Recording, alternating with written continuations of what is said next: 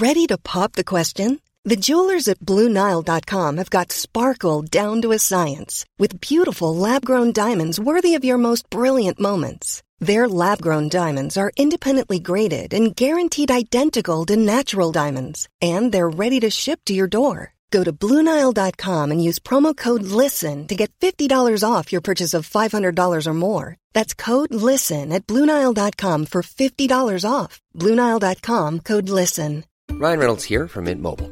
With the price of just about everything going up during inflation, we thought we'd bring our prices down. So to help us, we brought in a reverse auctioneer, which is apparently a thing. Mint Mobile unlimited premium wireless. Ready to get 30, 30, bit to get 30, bit to get 20, 20, 20, bit to get 20, 20, bit to get 15, 15, 15, 15 just 15 bucks a month. So, Give it a try at mintmobile.com slash switch. $45 upfront for three months plus taxes and fees. Promo rate for new customers for limited time. Unlimited more than 40 gigabytes per month. Slows. Full terms at mintmobile.com. Hey, it's Ryan Reynolds, and I'm here with Keith, co-star of my upcoming film, If, only in theaters May 17th. Do you want to tell people the big news? All right, I'll do it. Sign up now and you'll get unlimited for $15 a month in six months of Paramount Plus Essential Plan on us. Mintmobile.com slash switch. Upfront payment of $45 equivalent to $15 per month. Unlimited over 40 gigabytes per month. Face lower speeds. Videos at 480p. Active Mint customers by 531.24 get six months of Paramount Plus Essential Plan. Auto renews after six months. Offer ends May 31st, 2024. Separate Paramount Plus registration required. Terms and conditions apply if rated PG.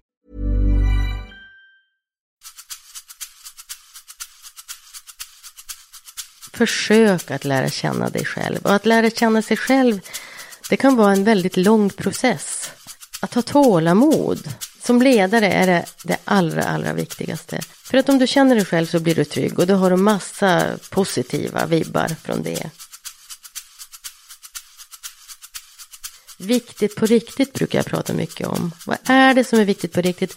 Det spelar ingen roll om du gör lite avsteg därifrån däremellan. Men när det kommer till kritan måste du ha fullständigt klart för dig vad det är som är viktigt på riktigt. Och du måste ha gjort den analysen själv för att kunna prioritera.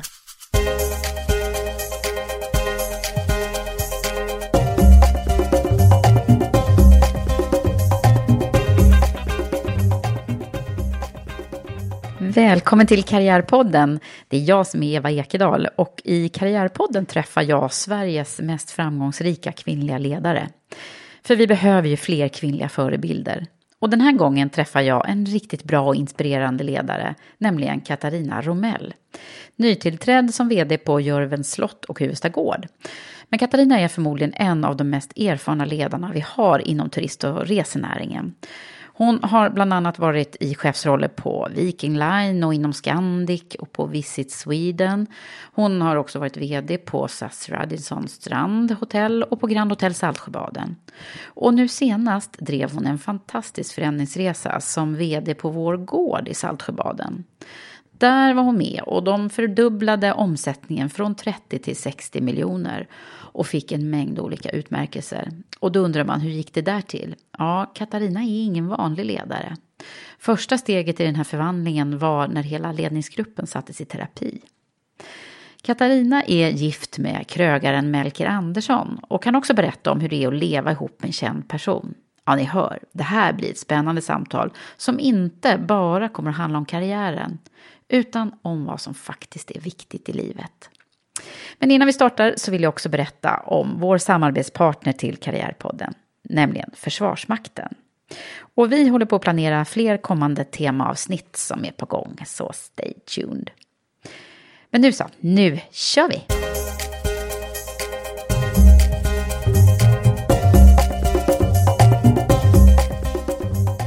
Hej Katarina! Hej! Välkommen till Karriärpodden. Mm, tack så mycket. Nu ska vi fokusera på att lära känna dig. Mm, vad kul. Det ska bli jättespännande, för jag har inte fått fråga så mycket, för vi har bestämt att nej, nu sparar vi det här så att det blir helt, att jag vet ingenting. Det är Mm. som ett vitt, vitt blad för mig här.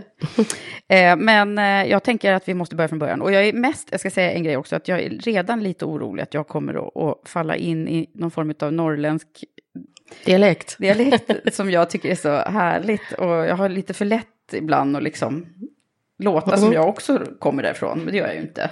Visst är det spännande att jag har kvar så mycket dialekt trots att jag har bott i ja, i Uppsala flyttade jag till 86. Ja, Alltså, men det, Men- det, det, men det låter så himla lugnt och mysigt liksom. Ja. Men var är du ifrån? Nej, men jag är ju född och uppväxt i Piteå. ja. Eh, Det är nästan 100 mil härifrån. Och jag föddes 1960. Jag hade väldigt, väldigt unga föräldrar. Ah. Min mamma och pappa träff, träffades när de var, jag tror att mamma var 15 år. Och de är fortfarande gifta. Och fortfarande lyckliga. Mm. Åh. Är jättekära och tacksamma för varandra. Så jag har haft en jätte, jättefin barndom. Med mycket kärlek och mycket närhet och Var det inne, inne i Piteå? Inne i Piteå stad. Ja. Mm. Är det liksom, en, jag har aldrig varit där. liten, liten stad och, och ganska begränsat är det ju där uppe. Och det är väl just därför som jag flyttade därifrån. Att Mm. Det är klart det finns möjligheter där uppe också men, men man blir lite mer instängd än, än vad man är här i Stockholm. Mm. Och ute i stora världen. Vad har du med dig då, sådär, när du tänker på Mm. din barndom? Vad är, vad är det som, som har format dig? Nej, men jag tror att jag har med mig det här med äktheten som ju faktiskt fortfarande finns där uppe. Ett, ett handslag är fortfarande ett handslag i Norrbotten och det finns också en värme och en omtänksamhet i en större utsträckning än vad, du, än vad det finns i en storstad. Och jag vet inte om det är specifikt för Norrbotten eller om det är specifikt för småstäder. Men jag tror att jag har med mig en, en trygghet också där uppifrån. Men tryggheten kommer nog mer ifrån familjesituationen än vad den kommer ifrån var jag är uppväxt. Hur var du då som liten? Glad och pratsam, säger mina föräldrar. Nej, men jag var nog glad och pratsam och lite... Jag, jag tror att det alltid har bott en sökare i mig. Så att jag... Jag tror att jag var lite inne på hippiespår. Jag kunde nog lika gärna ha blivit en hippie. Är det sant? Jättetidigt uppe i Norrbotten. När jag var 17 eller var jag bara 16 år så, så piercade jag näsan. Jag jobbade på guldsmedsaffär. och en helg när mamma och pappa var ute och segla. Då lånade jag hem den här apparaten. Som man gör hål i öronen med. Och så, och så sköt jag den genom näsan. Åh. Och det fanns ju ingen som var Nej, det, var, piercad. det måste ha varit revolutionerande på den tiden va? Ja, min farfar skulle göra mig arvslös. Så det var, det var stora grejer. Nej, men det, det bodde en frihetslängtande tjej i mig. Och det gör det nog fortfarande. Mm. Gör det? Mm. Vad är det för någonting du längtar efter då, man tror? Ja, men jag skulle ha trivts ypperligt bra att leva på som en liten hippie. Det En lyxhippie. helt enkelt. Eller hur? Men nu blev det ju inte hippielivet. Utan, Nej, va, tänk va, hur va, hur bli. vad gick det till där då när du liksom flyttade och dina, dina tidiga karriärval så Mm. att säga? Vad, vad handlade de om? Jag, först hade jag hade nog ingen planering egentligen. Utan först utbildade jag mig till tandsköterska. Och det jobbade jag med ett år där uppe i Piteå. Och sen så kom jag på att det där var ju inte, eh, det var inget roligt alls. Nej, diska massa verktyg. Ja, sitta där och titta i munnar hela dagen. Det var ju inte min grej. Det kändes lite trångt. Ja. Eh, så att då... Inget ont om tandsköterskor. Nej, nej, absolut inte. Men det var ingenting för mig. Så att då sökte jag en ekonomlinjen i Uppsala. Och flyttade ner till Uppsala 86. Och eh, började på Hur kom det sig att det blev ekonom då? Ja, men det var för jag hade ju gått det på gymnasiet också. Så att Mm. någonstans hade jag väl. Jag stod där och valde mellan humanist eller ekonomlinjen. Men då tänkte jag att ekonomlinjen är lite bredare. Så då kör vi den. Och sen så gick jag där. Flyttade till Uppsala och gick där ett kort tag. Och så såg jag ett, ett jobb på, på Viking Line. Och tänkte jag ska nog ta lite studieuppehåll. och det gjorde jag ju. Ett Mm. långt studieuppehåll. För det var där du hamnade då? Det var där jag hamnade. jobbet, liksom. Första jobbet, då hamnade jag på Viking som, som säljare. Mm. Och sen så, så blev det, jag blev ju fast där för att jag hade himla roligt. Och det var ju en rolig tid Mm. på rederierna det här. Så Ja. att, eh, Var det när Rederiet gick på tv också? Eller? ja, nej det var inte, det kom nog efter. Ja. Eh, och gjorde, jag gjorde en ganska snabb karriär där och blev ganska snabbt regionchef.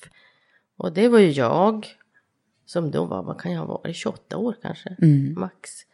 Tillsammans med de här 50-åriga killarna i kostym, som också var regiondirektörer. Ja, jag Tänk vad mycket liksom slump det är. Ja, För ja, du, ja. du hade inte planerat att det skulle bli eh, turistnäringen? Nej, nej, så? inte alls. Där- Däremot hade jag ju ambitionen hela tiden att, inte ambitionen att göra karriär, utan ambitionen att göra det jäkligt bra det jag gjorde. Mm. Så det spelar nog ingen roll var, var jag var satt. Jag hade alltid presterat. Mm. Utefter min förmåga. Var kommer det här ifrån tror du? Presterar tjejen? Har du Jo, men jag tror det? precis att jag vet var det kommer ifrån. Mm. Det kommer ifrån, det är en sån här familjehistoria. För min morfar, han var hittebarn. Och med, med att vara hittebarn på den tiden så följde ju något som var lite så halv eh, oroligt och lite svart och lite vad ska andra tro, vad ska andra tycka? Och när han gifte sig med min mormor så, så jobbade min mormor på Konsum. Och sen blev hon erbjuden att bli föreståndare, men det fick hon inte bli. Därför att det var ju pinsamt att, att kvinnan skulle liksom jobba så mycket och bli chef. Och, och jag tror att mormor var jätteduktig och driven. Och jag tror att det här har påverkat både mig och min syster som idag är advokat och delägare i Lindahl. Att på något sätt kompensera mormors förlust av karriär.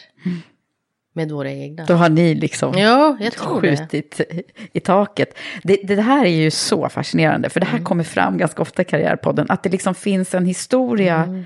som betyder mycket. Det är inte alla som har kommit på eh, Nej. Mm. varför man är som man är, men om man liksom backar att, jag tänker på de föräldrarna som, eller de som har föräldrar som har varit med i kriget och liksom Mm. alla, hur det har påverkat en hel släkt liksom och sådana där saker. Det är ganska fascinerande. Det är nästan som att man skulle kunna bli släktforskare faktiskt. Ja, ja, nej men det är jättespännande. Ja. Och all, allt det du har med dig därifrån.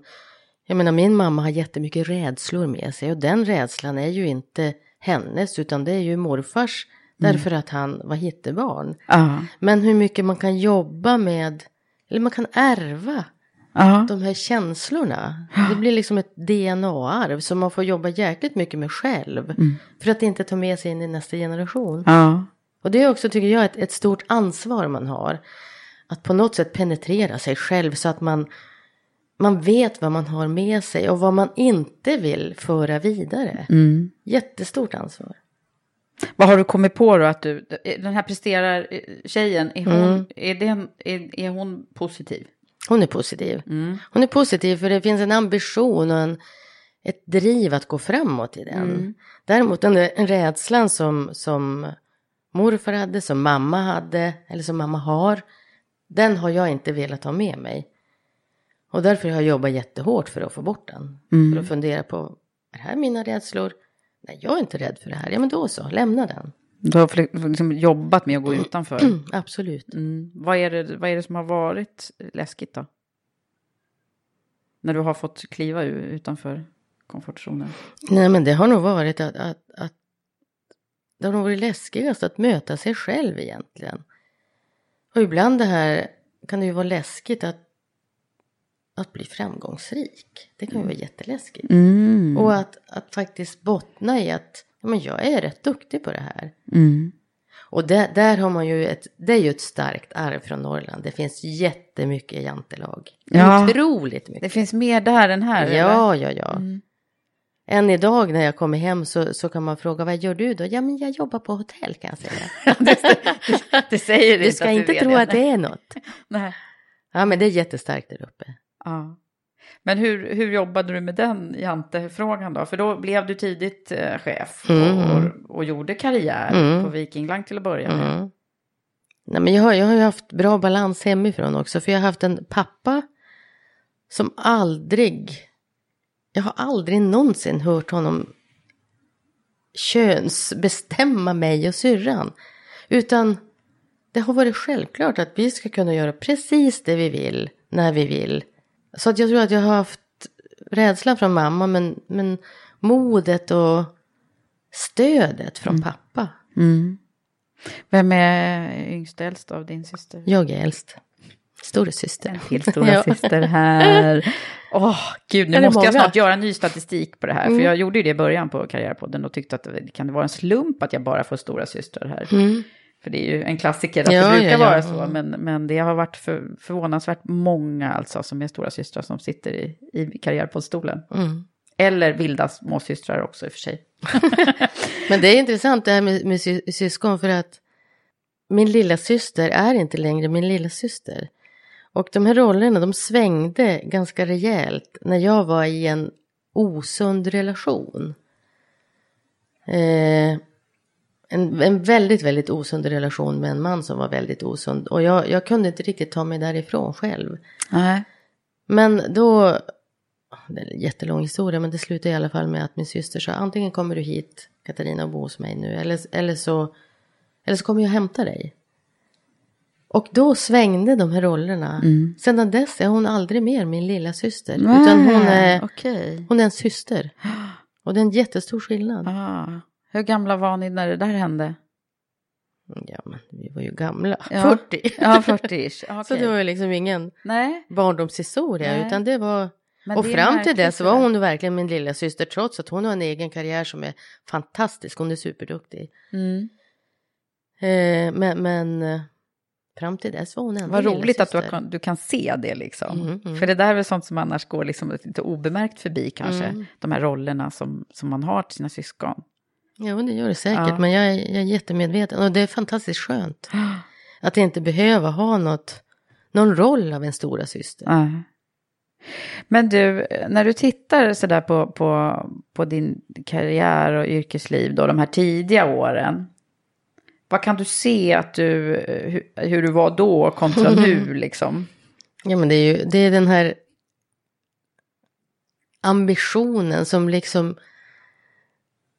Vad ska man säga? Det, ambitionen är så stark så att den sprutar ut ur hela kroppen. och man springer som en galning på alla bollar och, och vill lösa allt. Och, och lite mer, eller ganska mycket mer prestige då än, än idag har jag ingen tycker jag själv. Det får man kanske fråga andra om då. Men, men inte i min ledarroll har jag någon prestige idag. Men då hade man ju på något sätt hade man ju en, en karriärlängtan. Och karriären den var uppåt för mig. Det var bara det som räknades. Ja. Och var det här också när du eh, skaffade familj och så? Mm. Mm. Hur, hur hanterade du det då? Jobbade du, eh, var, var den lika intensiv så att säga? Jo, men det var, jo, den var jätteintensiv och jag fick ju två barn på, Gustav är född 92 och Ludde född 93, så det skiljer ett år och tre månader mellan barnen, så det var ju jättetätt mellan barnen. Mm. Och dessutom så bytte jag jobb däremellan. Jag flyttade från Viking Line och började jobba på Scandic Hotels. Och blev ju med barn då, precis när jag skulle... Jag tror att det var veckan efter jag hade skrivit på anställningsavtalet. På Scandic? För Scandic. Jaha. Så då ringde min, min finska chef Anders Liljus och var här, sådär halvglad. Vad gjorde de då? Eller det var inga? Nej men det var ingenting, jag var hemma, jag var hemma i fyra månader. Sen så var Ludvig med mig på jobbet.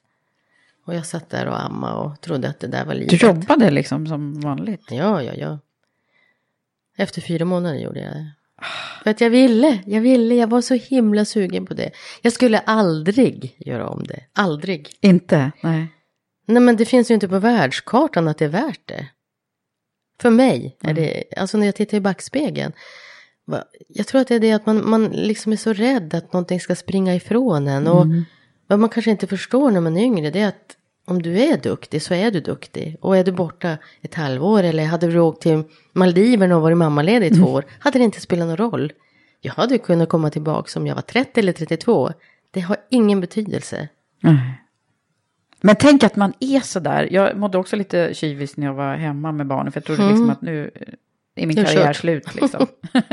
Men den är ju inte det. Och det är ju många som hamnar i det där. Att man tror att man blir omkörd och så. Ja. Så onödigt. Vad ska vi säga åt alla unga så att man fattar att... Men slappna av och var lite cool. Om du är duktig, och det finns ju en jättestor möjlighet egentligen att jobba med sig själv under den här perioden. Att, Att tillsammans kokona sig för, för det första, för den perioden kommer ju aldrig tillbaka. När du får ligga och snusa på dina barn. Det märker man ju nu när man har stora, man bara, mm, om jag hade den där. Ja. Nej men alltså, alltså att vara lite cool. Och, vem, och inte tro att, att allting springer ifrån dig utan tro på att livet fixar det här. Och det här är bara en liten del av livet. Och ta tillvara på den perioden. Det, det blir ju nästan sådana floskler man... Jag vet, det låter Det ju så, låter men, så. men det är ju så Mm. sant. Och att livet tar, eller jobben, Mm. karriären, tar ju en väldigt stor del Mm. i våra liv. Under den där perioden när man egentligen skulle behöva ha Mm. fler timmar på dygnet liksom, för att hinna med allting. Tar den Alltså- för stor del? Har den gjort det för dig liksom? Nej, men jag kan, egentligen kan jag inte säga att, att den har tagit för stor del. För att jag tror inte att jag skulle ha kunnat klarat mig utan. Utan den, den har nog tagit en del den ska ta. Men jag kanske skulle ha balanserat den lite bättre än vad jag har gjort.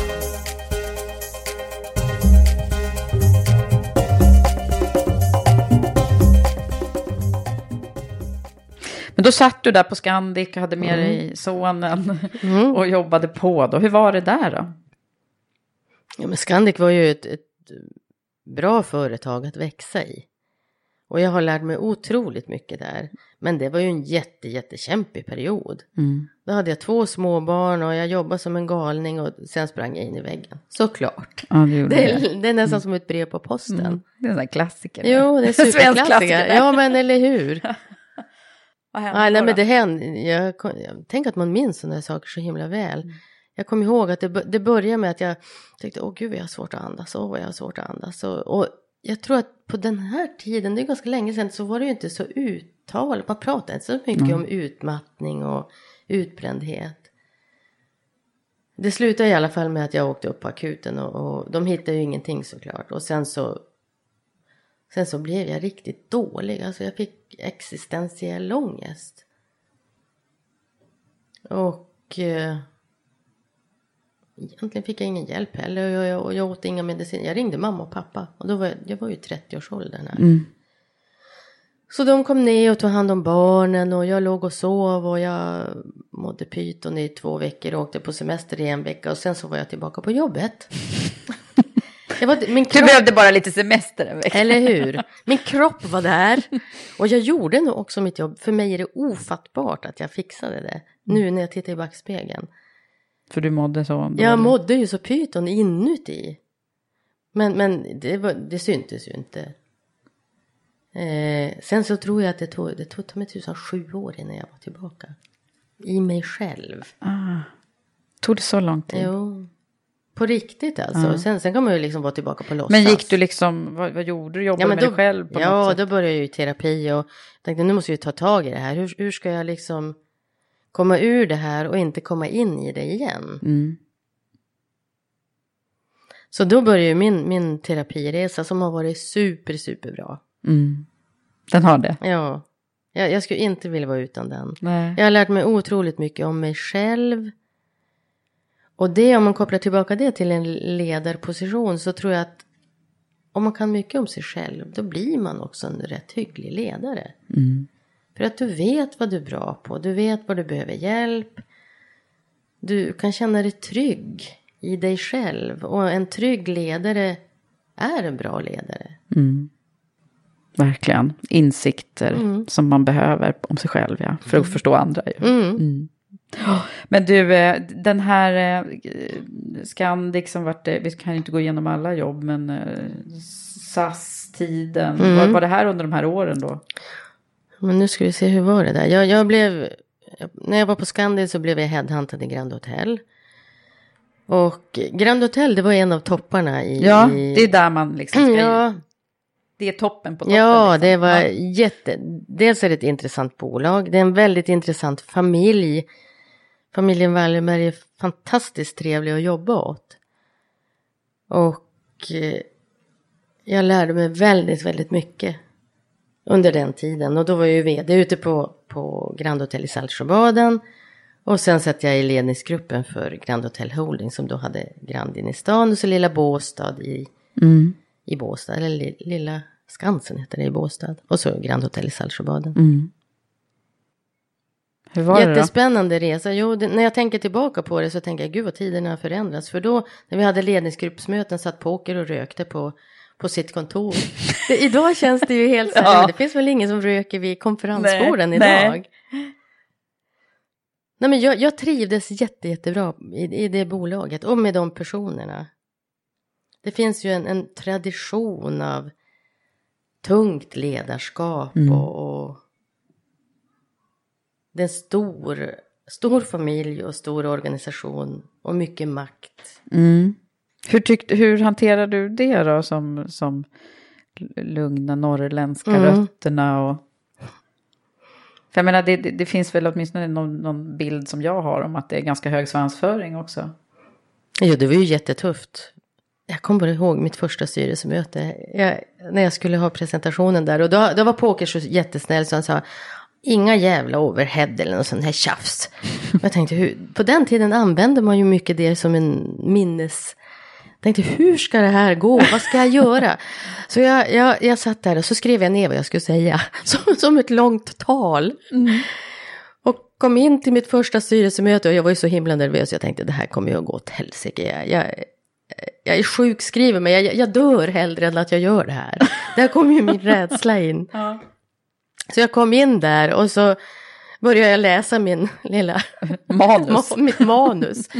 Och då, då säger Janne Karlsson som ju är en jättebra ledare.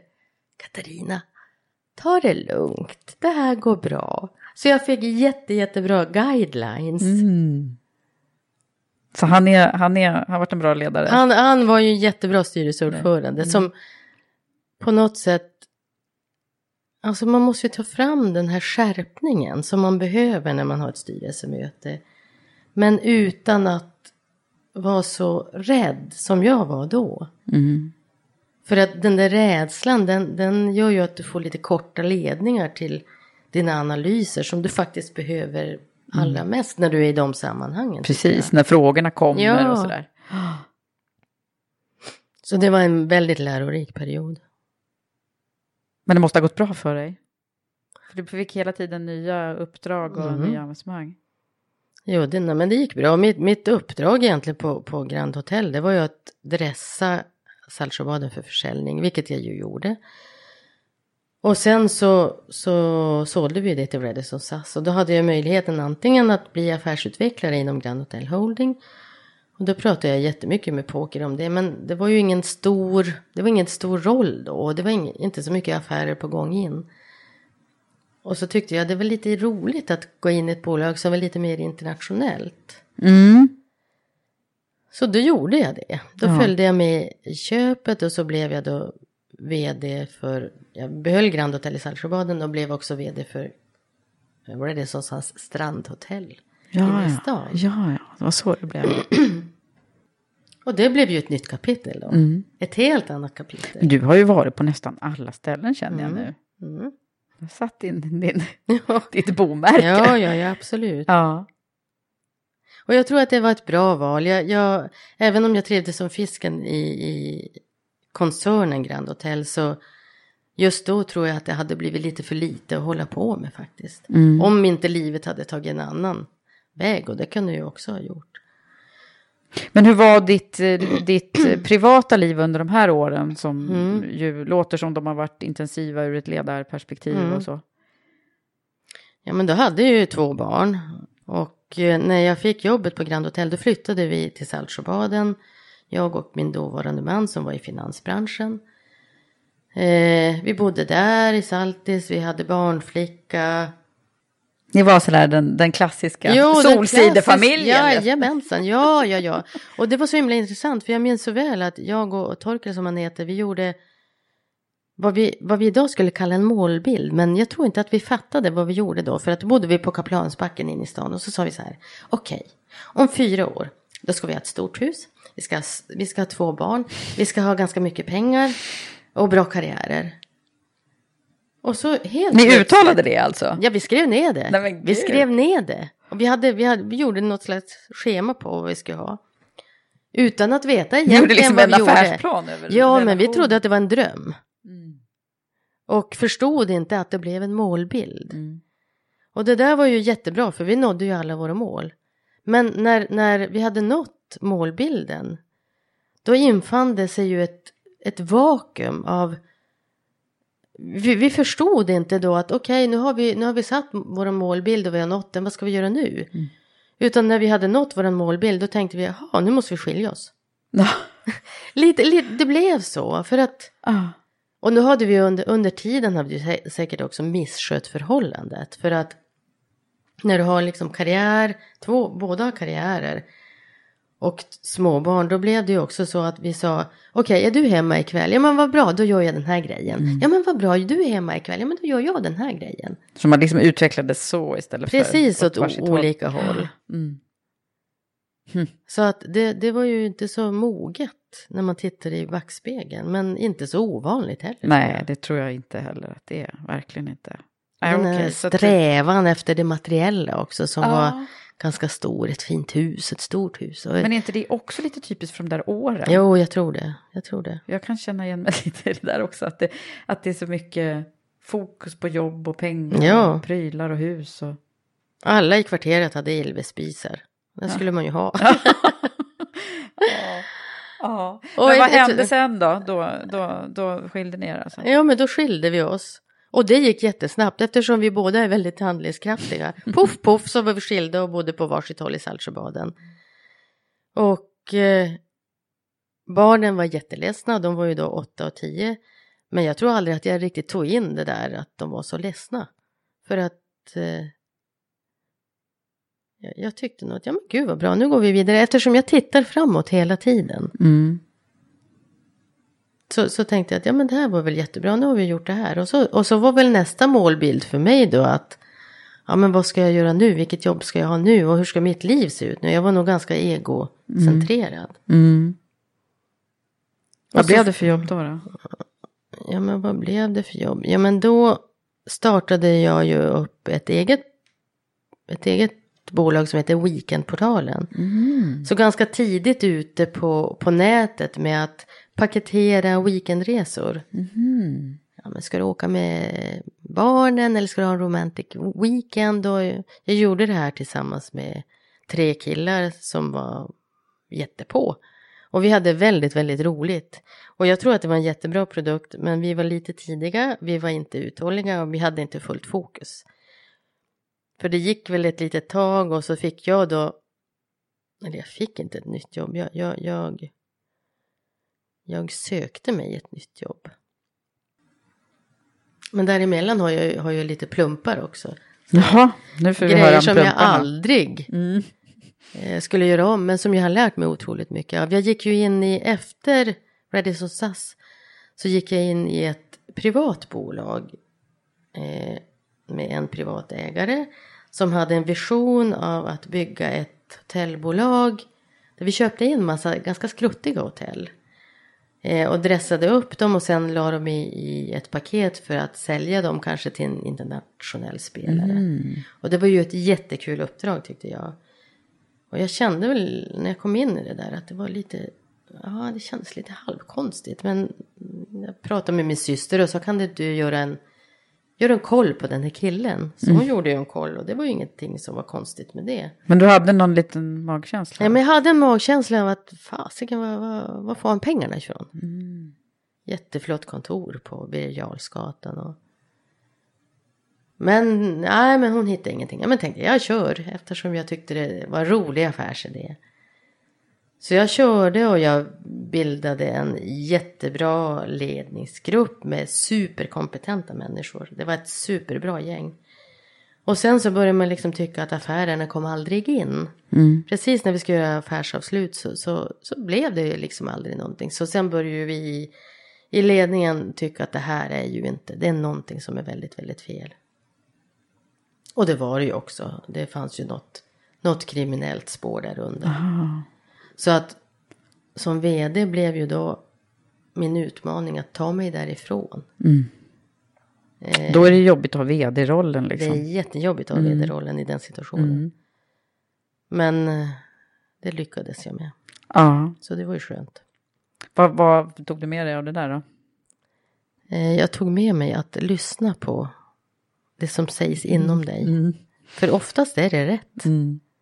Mm. Även om, även om det yttre ser väldigt bra ut och det är Mm. snygga kontor och det ser ut att vara gott om pengar och du kan göra körningar till höger och vänster Mm. på personerna och inte hitta något. Nej men det är svårt att hitta något på de som är, vad ska man kalla det, exklusivt kriminella. Mm.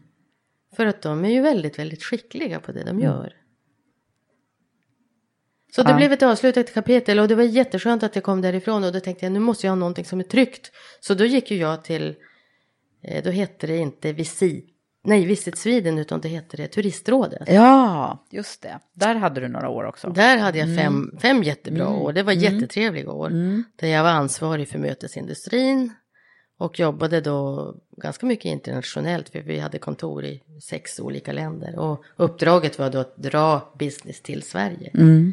Jättekul, statligt, tryggt, superbra för mig i den Mm. I det perioden. läget. Ja. Ja.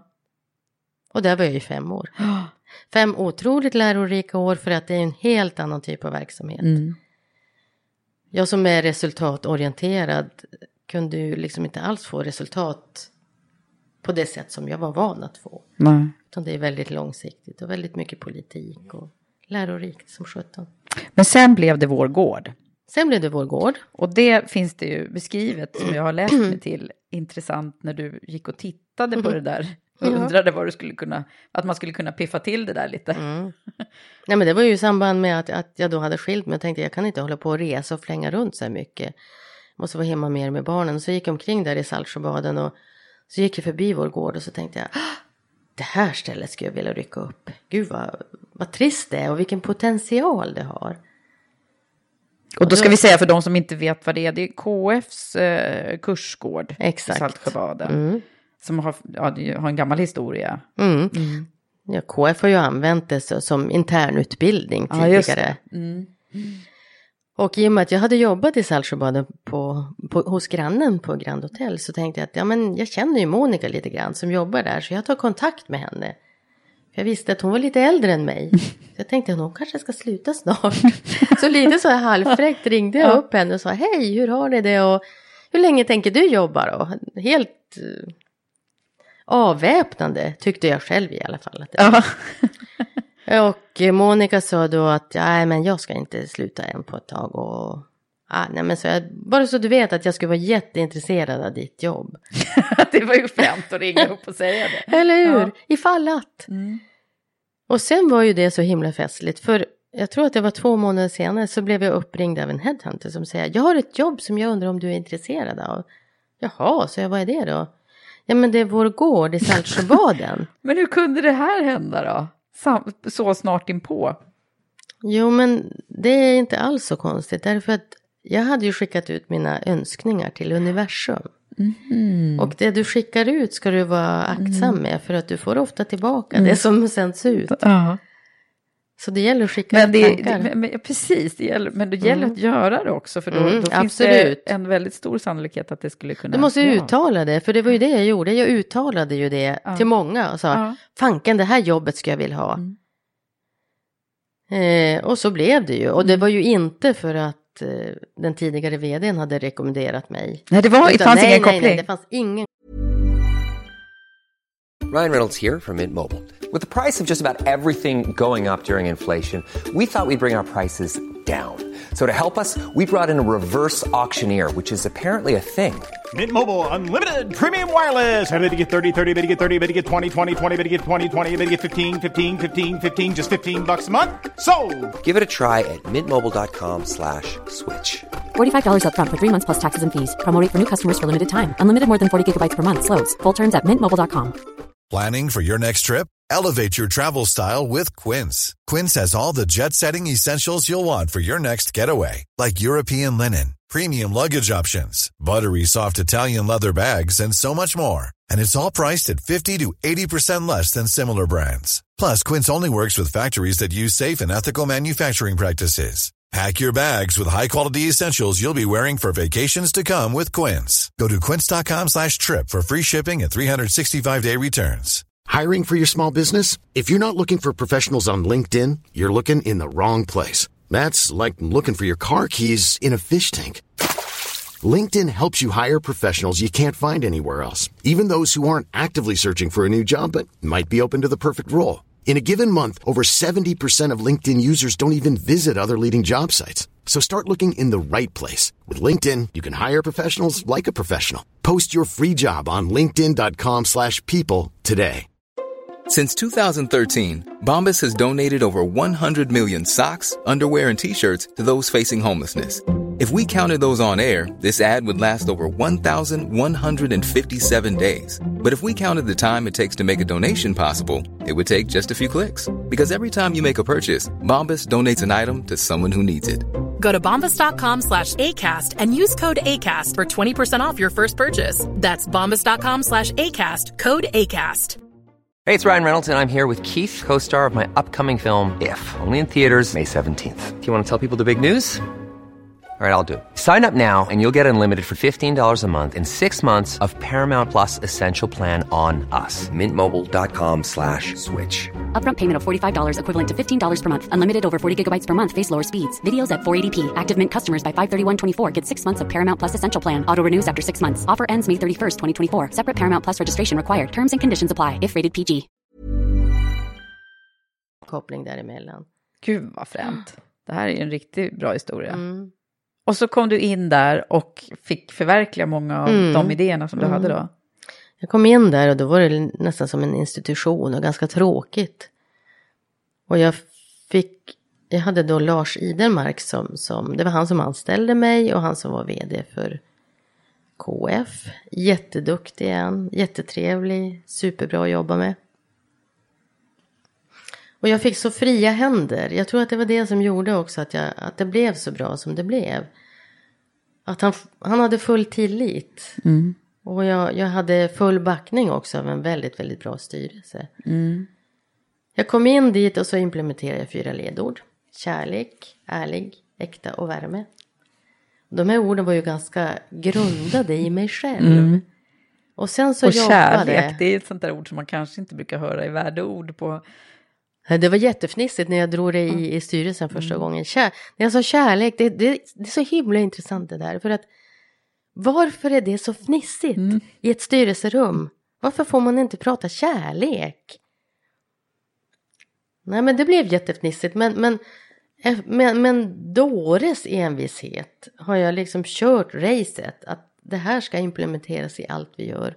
Och när jag slutar tio år senare så har vi fått massa priser på vägen och, och kundernas omdöme är att ja, men det är så himla härligt här för det är så äkta och, och det känns som att ni verkligen tycker om oss.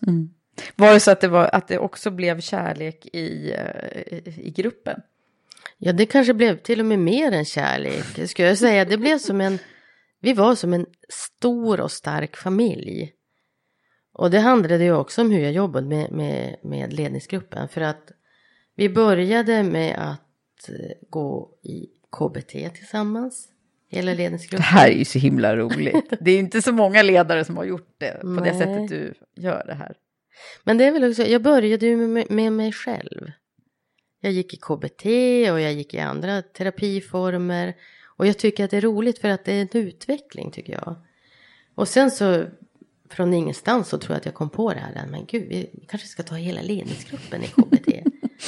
Och förankrade ju det här då i ledningsgruppen och sa att ja men om ni inte tycker att det är kul så vi gör det ändå. Vi gör det ändå. Ni kan, vi gör den här resan och efter vi har gjort resan så får ni göra vad fanken ni vill med det här. Men vi gör det tillsammans och ser var vi hamnar. Och jag hade ju en super, super bra ledningsgrupp. Där alla var riktigt, riktigt duktiga på sina områden. Och jag måste säga att de var ju också jättemodiga som vågade gå med på det här. Vår köksmästare tyckte väl att vad ska hon komma med för jädra, vad, vad ska vi göra nu, vad är det här för flum? Ja, just det, det där med flum kan man ju Ja, tänka sig att det och kan det dyka tyckte upp. han ju också. Men, men vi gjorde det här tillsammans och det blev ju himla bra. För konsekvensen av det vi gjorde, det blev ju att vi lärde känna varandra så pass bra så att vi visste vad den andra inte var bra på. Och när man vet det, då kommer ju en organisation som den här täcka upp för varandras svagheter. Och vad ger det då för resultat? Jo, kunden tror att vi är helt perfekta. Mm, just det, för, För man den- har lappat liksom. Ja, man har lappat Ja. Mm. hela tiden och kunden får bara den bästa produkten. Och det är jätteintressant. Och sen kommer man ju också ganska nära varandra. Det kräver ett visst mod av en vd. Mm. Jag tänker det också, att det var tur att du Mm. var liksom trygg och, och, och grundad i att det här är rätt väg. Mm. För jag måste vara äkta också. Mm. Jag måste våga visa för min ledningsgrupp att det här är jag inte helt stark på. Och släppa på det. Mm. Så det gick ni i, i grupp och individuellt? Mm. Mm. Mm. Vi, vi började i grupp och sen så eh, individuellt. Mm. Och många fortsatte också med lite individuell terapi efter det. För att de kom ju på att oj, det här kanske jag ska jobba Mm. Gud, med. det är inte många som har tackat dig i efterhand. Jo, jag har, jag har... Jag ska, jag ska nog säga att jag är vän med alla i den ledningsgruppen. Nästan alla. Ja. Det är något undantag. Så ni blev liksom på riktigt som en familj. Mm. Det där, det där är ju, eh, jag kan tänka mig att det är många som, som, det finns, jag har ju också jobbat med öppenhet Mm, i grupper och det finns mycket rädslor kring det där, Mm. men ska man, kan man inte, ska man inte behålla sin liksom, Mm. integritet Mm. och sådär? Hur, hur, mötte du någon Ja men det där var jag ju van med från de stora företagen. För Ja. på något sätt i stora företag kan du inte prata kärlek och du kan inte heller prata att jag tycker om personerna. Sen kanske jag ibland inte tycker om hur de gör saker eller vad de gör. Men det är ju en helt annan fråga. Mm. Jag kan ju tycka om en, alltså jag kan tycka om min ledningsgrupp men jag vet ändå när jag måste avsluta någon. Och det är en så stor skillnad på det. Mm. Men du, jag läste i, jag delade faktiskt en artikel igår på min personliga Facebook eh, som handlade om eh, hur Google hade kommit fram till en forskning nu som de har gjort för sina grupper. Eh, och kommit fram till att godhet och att så att säga lära sig att tycka om varandra var den största framgångsfaktorn. Mm, vad roligt. Så att du, du, Du var, du var veta. tidigt på spåren kan man säga. ja. Magkänsla.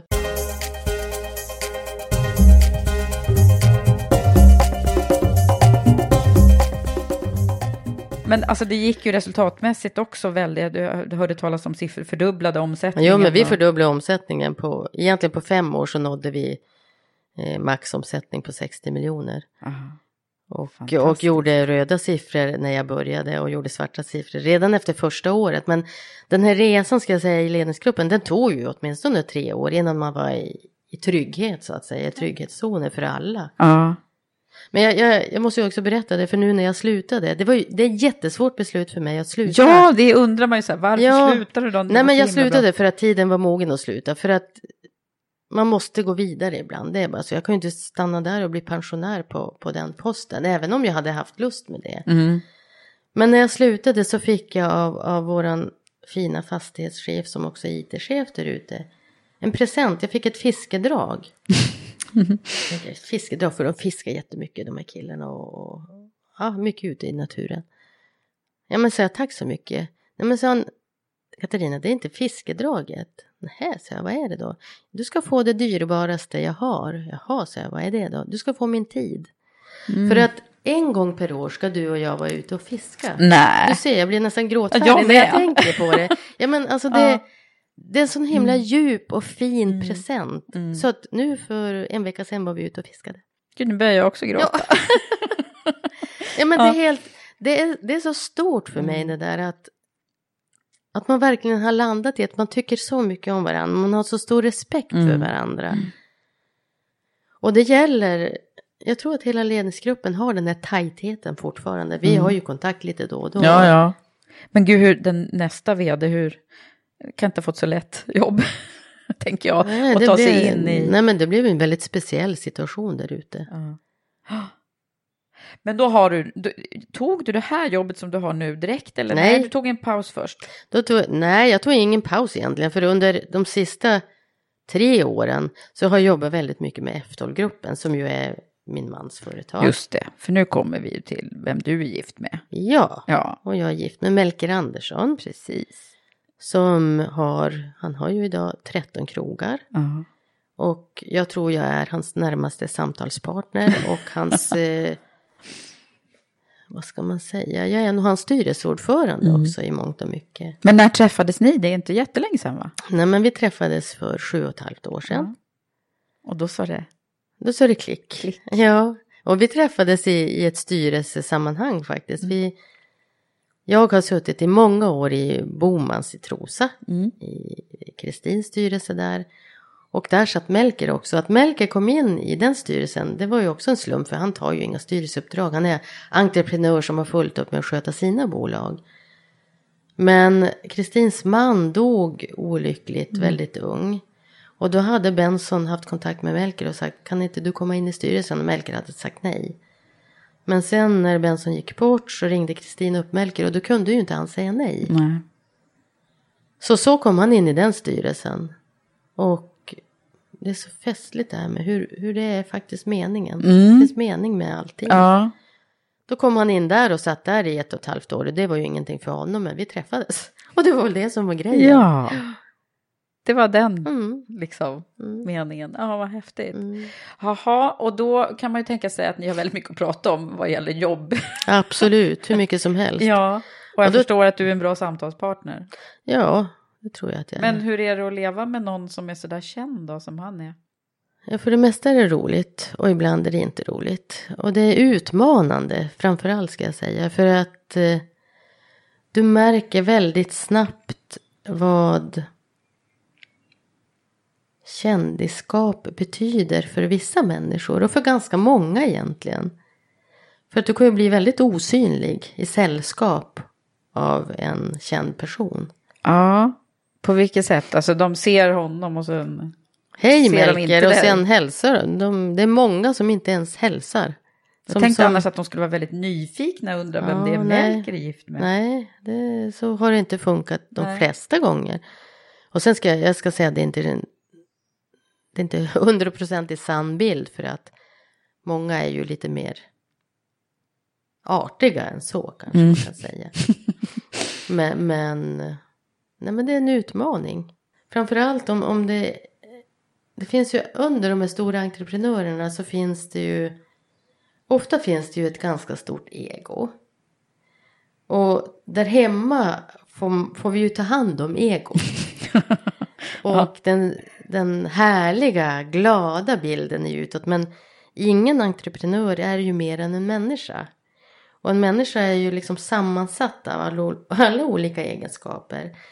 Och ibland kanske det blir så att det är de där hemma som får de, de minst trevliga egenskaperna. Så att där har ju jag och Melker också gjort en jätteresa med. Jag tror att han har utvecklats super, super mycket.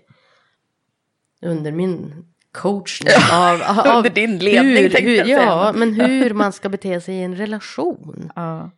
Och hur man måste värdera sina barn i förhållande till sitt företag till exempel. Vad, vad är det, det är liksom det här Robin Sharma, vem gråter vid, vid en grav och alla de här grejerna. Vem, viktigt på riktigt brukar jag prata mycket om. Vad är det som är viktigt på riktigt?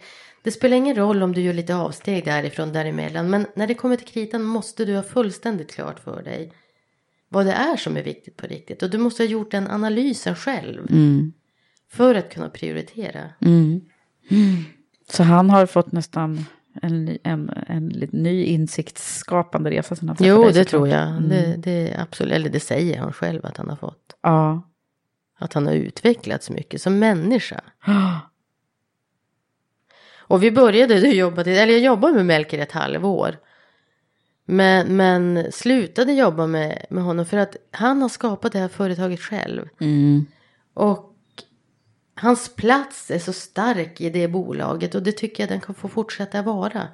Jag tror att jag, jag kommer, jag blir inte mitt bästa. Och han blir lite orolig för vi har olika ledarstilar och nej, tänkte jag, det här går inte. Jag, jag, vill jag ha en man eller vill jag ha en, en arbetskamrat här? Nej, men jag vill ju ha min man. Så då får han vara min man. Och sen kan jag fortfarande kan jag vara med i, i styrelsesammanhang. Där jag tycker att där kan jag tillföra kan mer. Men operativt ska jag inte vara i de bolagen. Nej. Så du kom på det. Hur lång tid tog det innan du kom på det? Ja, det tog en månad och sen blev jag kvar i fem. Men du, det, det där är ju fascinerande, de människorna, eller de paren som Mm. faktiskt, det finns ju entreprenörspar och så Ja. som verkligen klarar att jobba ihop. Jag har aldrig, eller jag förstår inte det. Jag Men har inte de klara- startat tillsammans då? Kanske. Mm. Att man liksom har startat resan Mm. tillsammans, för då tror jag det är en helt Ja. annan sak. Men det där kan jag uppleva också när man kommer in i en organisation som chef, Mm, mm. som jag har gjort några gånger, när det- jag inte fått vara med från början riktigt och, start, och liksom, eh, sätta ramverket, utan mera Mm. flytta in. Mm, Det, är ju, det är ju lite samma sak Mm, egentligen. absolut. Fast det här är ju ännu då förstås prekärt av det, men ens äkta hälft. Ja. Mm. jo, det, jag menar ba- bara det att komma in som vd och inte få vara med, bara det är ju lite frustrerande. Ja. Men frustrationen blir ju större när det är din man, när det även på hemmaplan ska diskuteras om samma frågor som du annars kan lämna lite grann. Men du, vem lagar maten hemma då? Ja, det är inte jag. Nej, det är inte. Men är du road av matlagning? Nej, inte alls. Och det har jag aldrig varit. Det är därför jag valde Melker. Gud vad bra, men det är ganska gott hemma också. Jo, det är men man kan ju säga så här, när han är hemma är det fantastiskt. Men sen så jobbar han ju väldigt, väldigt mycket fortfarande. Mm. Nu, nu går han in i en ny era, säger han själv, att han ska jobba mycket, mycket mindre efter midsommar. Jaha. Så- Operativt mindre, så att eh, Spännande. vi, vi är ju, alltså det, det är en åldersgrej det där också. Jag tror att man känner att finns ju, det finns ju också annat i livet Det gör ju bara, det. bara arbeta. Precis. Mm. Och, men du har ju då gått in i den nya rollen alldeles nyligen. Mm. Nytillträdd vd på Jörvens slott och Huvudsta gård. Så Ja, är jag rätt nu? Huvudsta gård, mat och möten egentligen. ja. Så nu är det två ställen du ska basa över här. Ja, nu är Mm. det två jättefina ställen. Som eh, ju har, de har ju egentligen haft en väldigt fin resa under tio år ungefär. Eh, konkurrensen har hårdnat. Vi har en utmanande situation just nu. Mm. Där vi har många konkurrenter som är duktiga och vi måste vässa oss och, och bli precis det vi vill vara och edga oss kanske. Och jag tror det, är just därför ägarna har tagit in mig. För att jag ska inte göra samma resa som jag har gjort på vår gård. Men jag tror att den här känslan av att vara äkta och ärlig och tillföra mycket kärlek. Den kan aldrig gå fel. Nej, den kan nog funka på många ställen. Ja, jag tror det. Ja, verkligen. Alltså det, och det är ju människor man jobbar med på alla ställen. Ja, absolut. Mm. Och det Nu tycker är jag det- är så intressant med alla eh, mina fantastiska kvinnliga gäster jag har här i podden. Att vi pratar ganska mycket om människor. Och jag har någon gång sagt att jag undrar om jag hade pratat lika mycket med, om människor om jag hade suttit här med män. Jag vet inte, Nej. jag tror inte det. Men det är min egen bild. Finns De är sån- inte lika intresserade, är det inte så? Det, det, jag, jag har jättesvårt att generalisera i den här kvinno och manfrågan. Jag vet att jag fick frågan någon gång, tror du att en man skulle sätta ledningsgruppen i KBT? Mm. Eh, jag vet inte. Det kanske han inte skulle göra för det är inte så många män som är intresserade av att själv gå i KBT. Om de inte har en fru som säger nu ska vi gå i KBT. eller nu ska vi gå i terapi, nu ska vi gå i samtalsterapi, nu ska vi utveckla vår relation. Generellt sett är det väl ändå så att männen är lite mindre intresserade. Alltså, De är ju enkla på det sättet att ja, har de ett bra jobb och det flyter bra för barnen och de får ligga ibland. då är det ganska bra.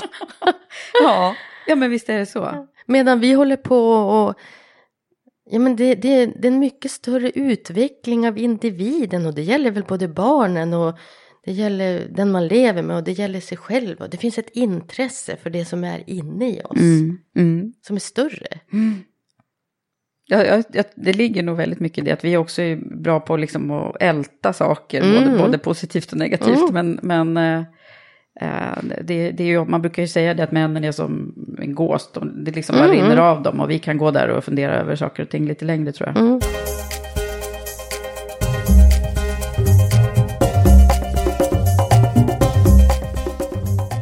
Men du, nu ska vi också eh, prata lite grann om... Eh, jag tänker att vi börjar faktiskt med eh, den, den här frågan, så kommer det säkert att leda oss in på olika saker. Och det är den frågan som jag brukar skicka med ifrån eh, mina samarbetspartner, Försvarsmakten. Eh, och det är ju nämligen en fråga som handlar om, om kriser och oväntade händelser i livet Mm. eller i karriären. Och, och hur man som, som ledare hanterar de snabbt uppkomna oväntade händelserna. Och jag kan tänka mig att du har varit med om några Mm. sådana grejer. Vad tänker du på först? Nej, men jag, jag tänker på, jag, jag har ju haft många kriser. Både, både mest privat egentligen skulle jag vilja säga. Jag, jag vet hur jag hanterar kriser. Jag vet att jag blir handlingskraftig. Och jag vet att jag blir snabbt analytisk och jag fattar snabbt beslut. Eh, och det gäller både privat och det gäller i yrkeslivet. Och sen det här med, med kriser. Man, det är svårt att definiera kris i, i yrkeslivet. Hur definierar man en kris? När blir det en kris? För det är ju också en... Det, det ligger någon slags subjektiv uppfattning i vad som är en kris. För att om jag uppfattar det som en kris, då agerar jag på ett sätt. Men jag kan ju också göra situationen mindre hetsig genom att inte betrakta den som en Med kris. Ja, just Nu det. blir det komplext. Ja, men, Men- intressant. Mm. Så att mycket ligger ju i Mm, betraktarens ögon av situationen ska jag säga. Men, Men om vad jag, tänker du på för egna kriser? Ja, men jag har ju haft, jag säger att jag har haft två stora kriser privat. Den första krisen det var ju egentligen när min son som har ADHD började självmedicinera med marijuana. Och detta ledde sedermera in till tyngre droger. Och det var ju liksom en lång utsträckt, en fyraårig kris. Där man, i alla fall under de sista två åren, egentligen nästan varje dag funderade på om, om man ska överleva. Och det är ju en, för, för en förälder är det ju en katastrofkris Ja. varje dag.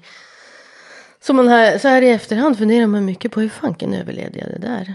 Men det finns väl någon jädra styrka i en som man kan ta fram när man behöver den. Ja, och det är den här Och det är den här handlingskraft. För vad jag gjorde då, det var ju liksom att kontakta Maria Pool. Jag, jag, jag, var, jag var stark som en, jag vet inte vad, urmoder. Och det handlade om att strida med honom. Det handlade om att aldrig, aldrig ge upp. Att alltid finnas där, att alltid hämta, att alltid kunna vara pratbar, att alltid plocka hem och ge kärlek. Att också stänga in och liksom slåss för det som var rätt för honom. Det jag visste var rätt. Och under den här tiden så kom jag nog till jobbet och vilade upp mig. Ja. På något sätt. Ja, men för mig blev det ju en avkoppling att vara i det som inte var en kris utan som var daglig drift och ja, jag, hade, jag hade liksom ett, ett mönster där, där jag på något sätt kunde vara och vila. Och ändå prestera. Och sen kom jag hem och så visste jag vad som väntade när jag kom hem. Men, men eh, det, var, det är ju intressant när man ser att den där uthålligheten och den här viljan. Men att du sa det det här med att du inte såg det som en, eller eh, det här med hur man betraktar.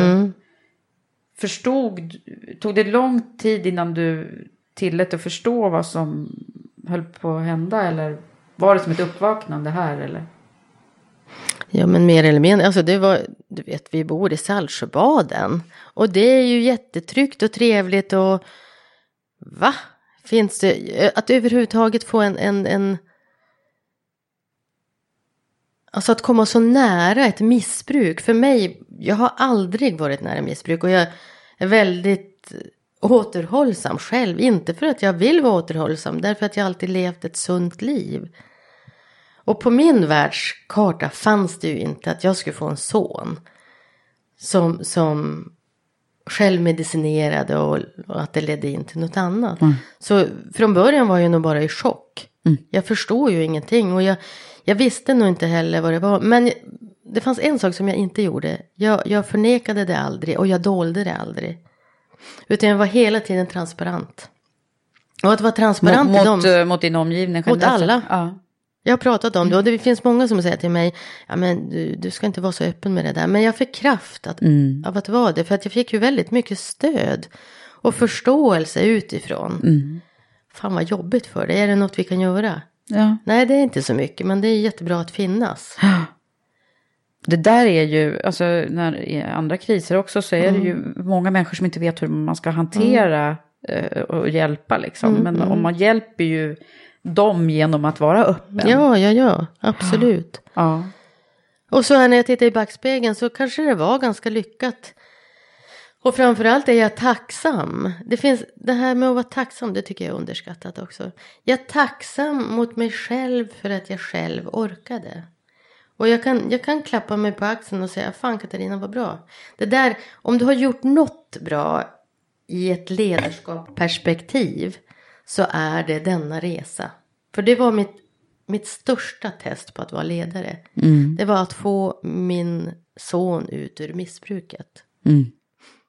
Och idag är han ju helt ren och han är glad och han är nöjd och han är trygg och han är världens bästa tillsammans med sin bror såklart. Ja. Han bestämde sig ändå, han sa så här, mamma, till hösten ska jag bli ren. Och då hade det ju gått jättelång tid och då sa jag att jättebra, men det trodde jag inte på innerst inne. Och sen började han helt själv sin resa. Som ju var, alla som har varit i det här förstår när jag pratar om det hur extremt tufft det är. Så att han är ju också en fantastisk individ som har, han har inte själv förstått vilken kraft han har i sig. För kan han sluta med det på det sättet han gjorde, då kan han göra vad som helst i livet. Mm. Men han hade bra stöd. I mig ja. Mm. Fantastiskt. Ja, mm. Den andra situationen, jag har ju en till också. ja. Som är hemsk. Det var ju att eh, det är bara tre år sedan. Så fick eh, Melker en stark hotbild eh, över sig. Där, ja det var lite bränder på restaurangen. Ja. Men framförallt så fick han en personlig hotbild över sig. Alltså när man var rädd för att någon skulle göra honom illa eller ännu värre. Och det drabbade ju hela familjen där vi då fick skicka barnen utomlands. Och Det var vi, så allvarligt Ja, alltså. vi själva fick bo på hotell och fick bevakning till och från jobbet. Och det var riktigt, riktigt obehagligt. Mm. Vad hände med dig då? då? Och det här, ja men det är en intressant studie av mig själv Ja. egentligen. För att då var det exakt samma sak, att jag blev den starka. Jag blev...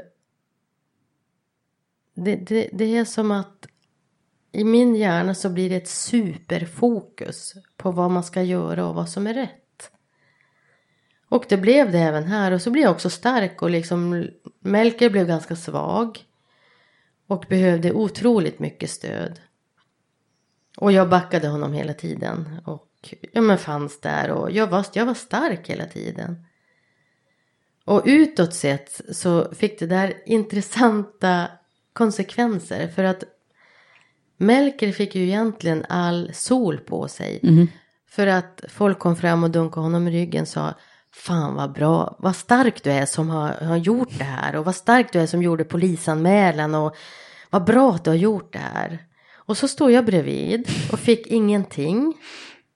Och jag visste ju att Melker var en blöt fläck om jag inte täckte hans rygg. För han var jätte, jätterädd. Och det säger han ju själv, det var så. Han var jätterädd. Eh, och det där tror jag tog ganska hårt på mig. Nu efter det så fick jag ju ett antal vitiligo och lite andra sådana här stresssjukdomar. Och det blev också en, en ganska djupt liggande sorg. Aha. För att stå, stå bredvid och göra ett stort, stort jobb men som ingen ser. Det var ganska tufft. Och det var första gången som, som, som det hände dig kanske? Ja, eller? ja, ja, det har aldrig hänt ja tidigare. nej. Och också inom familjen att man kanske inte riktigt såg hur mycket kraft som jag fick ägna åt att på något sätt lösa ett problem som egentligen inte var mitt. Det hade ju ingenting Mm. med mig att göra. Men du fick aldrig liksom stå, stå upp för det? Eller prata Nej, men om precis. det utåt? Nej. Så att det, det där har nog satt Nu sina fick du spår. säga det. Nu Gud, fick jag säga bra. det. Det var jätteskönt. Och jag, jag ska säga, jag och Melker har också pratat mycket om det. Och vi är väldigt glada också att vi har att vår relation har överlevt det. För det vet jag att Säkerhetspolisen sa att många som har varit utsatta i den här situationen, Mm. de pallar ju inte att leva tillsammans längre. För att det blir så jobbigt. Ja. Men jag tycker ändå att vi har löst det bra. Och märker att jag har varit lyhörd inför att det var som det var. Mm. Så att nu, nu har vi kunnat gå vidare. Men det, är- det är så intressant att studera sig själv tycker jag. Hur man blir. Mm. Hur man reagerar Att man så. blir också den här, eller att jag blev den här urmodern som är så stark som bara kör. Mm. Det är nog urkrafter som Ja. kommer. Men att det också får lite konsekvenser. Ja, precis. Att man kanske måste ta hand om, Ja, absolut. om det där som kommer efteråt. Mm. Ja. Det, det var, jag, jag förstod ju att den där frågan skulle kunna... Eh, jag tänker på försvarsfrågan. Den, har fått, Mm. Ja. den fick lite olika nyanser här i hur du agerar. Verkligen. Det är väl det också att jag har svårt att betrakta små situationer som kriser. Mm. Det är det, det blir ju ingen kris för jag tänker Nej. det där är väl ingenting. Det ska mycket till om det ska vara en kris. Men, ja, precis. Alltså, du har varit med om de, Ja. de tuffa grej, Ja. tuffaste grejerna. Hur är det rent jobbmässigt då? Vad är det där som har varit det tuffaste?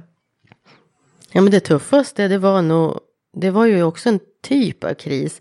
När jag var på det här företaget som inte riktigt var så bra. Eh, med lite kriminalitet. Ja, Det, mm. det var ju en situation. Som du Som kunde liksom- ha blivit mycket, mycket värre än vad den blev. Mm. Om jag inte hade age- agerat i den situationen. Och jag menar med agerandet, det är också allt ledarskap i kriser är ju också situationsanpassat. Mm. Så att allting beror ju på vilka förutsättningar. Det låter ju jätteluddigt men jag kan inte säga det på ett annat sätt. Det beror ju absolut på, på absolut på situationen. Och det enda man kan göra det är väl vara alltså att vara ta in informationen väldigt snabbt och vara fokuserad. Mm.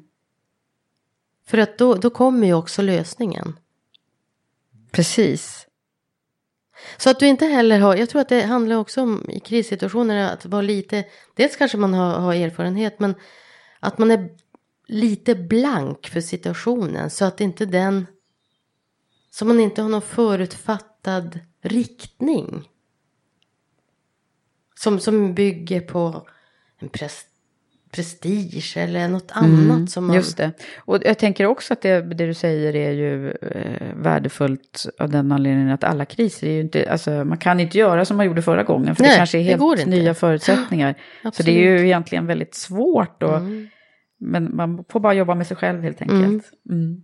Du, eh, Katarina, vi kommer ju nu till också den här delen i podden när eh, du ska få dela med dig utav, nu har vi fått i oss jättemycket känner jag. Jag har både skratt och tårar här i mig själv eh, och berörd på många sätt. Men om du skulle försöka tänka att vi har ett gäng lyssnare där ute som, som också är det nu, men som, som skulle vilja ha i sig det som du har fått med dig tills nu. Mm. Eh, och då, och eh, jag brukar säga det här, vad hade du velat höra? Vad hade du behövt höra lite tidigare? Vilka råd och tips är det du vill förmedla? Ja, men nummer ett är egentligen att försöka att lära känna dig själv. Och att lära känna sig själv, det kan vara en väldigt lång process.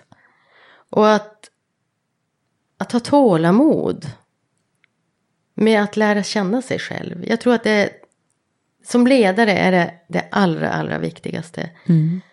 För att om du känner dig själv så blir du trygg och då har du massa positiva vibbar från det.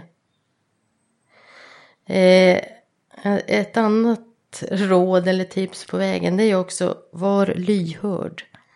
Alltså vilket är ditt uppdrag? Och när man är yngre är det så himla lätt att man, man, man går in och lyssnar kanske inte riktigt på vilket uppdrag man har. Utan man är på väg, man har lite prestige, man ska uppåt, man ska framåt. Och i den resan så är det lätt att missa vad är det ägarna vill egentligen. Man, man kanske inte hör det egentliga uppdraget utan man kör på och springer fort och tycker att man gör rätt och ändå kan det bli fel i slutändan för att du inte har lyssnat. Så lyhördhet är super, super viktigt. Och sen det tredje lilla tipset, det tycker jag är låt teamet blomma och var aldrig rädd för, för kompetens. Eh, lär känna varandra i, i gruppen, om man nu talar om en ledningsgrupp. Och nyttja allas kompetenser. Och nyttja också olikheter och var inte rädd för att ha en ledningsgrupp som är som personer fruktansvärt olika. För att jag har alltid upplevt att olikheterna de berikar enormt mycket. Mm. Mm. Gud vad du är klok, måste jag säga. Ja, jag är ju gammal. Klok som en bok. Ska du inte skriva en bok? Eller ja, det var ju det min son tyckte. Han sa, mamma du borde skriva en bok. Ja, men kanske kan jag göra det när jag åker ner till Mallorca eller till Italien. Det, det är vårt nästa mål i livet. Ja. Mitt och Melkers nästa mål. Det är att, ja. Fanken vad roligt det vore att ha ett ställe i Italien till mm. exempel. Det tycker jag ni ska göra. Eller hur? Kommer Kom och hälsa på. Ja, då kommer vi dit. Men du, eh, avslutningsvis så är jag lite nyfiken på vad som händer i ditt... Eh, jag vet ju att du sa tidigare till mig att alla styrelser som du har suttit mm. håller du på. Vad, vad är det som händer med dig nu? Ja, men jag tror att jag vill, jag vill göra mig blank. Jag har suttit i, i Visitas styrelse. Visita är vårt branschförbund. Eh, och Maud Olofsson tackade av mig här nu för någon månad sedan. Och så sa han, ja men Katarina, du har ju suttit i våra styrelser i 17 år. Jag tänker 17 år, hur 17 kan det ha gått så fort? Jag känner mig som 30 fortfarande. Ja, det ser ut som det. Men då, då tänker jag så här, nej men 17 år det är ju fanken bra att jag fattade det beslutet. För att, och jag har sagt till Visita, jag kommer aldrig tillbaka heller. Därför att jag tror att allting har sin tid. Och jag har haft min tid i de här styrelserna och det bör, det bör komma nya fräscha, unga, pigga med nya ögon som gör en annan grej än vad jag har gjort. Det finns ju många återvändare mm. och jag är lite kritisk till det för att jag vill inte bli äldre och komma tillbaka i någon jädrans så här pensionärsposition. när man liksom ska komma tillbaka och vara lite klok och så är man inte egentligen så klok för att man tiden har liksom löpt förbi en. Jag tror att det är super, super viktigt att börja med något nytt. Mm. Så att du håller dig ung. Alltså om du börjar med något nytt då måste du, du kan inte stanna av. Och det är säkert därför som jag slutar på vår gård också. Mm. Därför att jag tycker, ja, det handlar inte om någon yttre attribut. Det handlar bara om att i järnkontoret hålla sig pigg. Mm. Verkligen. Och det gör man genom att vara nyfiken på och, ja. och lära sig nya grejer. Det där var ett, också ett bra råd tycker jag. Men det är där mm. du befinner dig nu. Ja, där är jag. Tack så jättemycket Katarina för att du har varit med. Tack själv.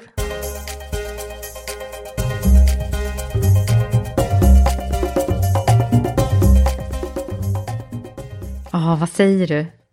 Vilken härlig person hon är, Katarina. Så insiktsfull och jag tycker att hon utstrålar en äkthet som få har.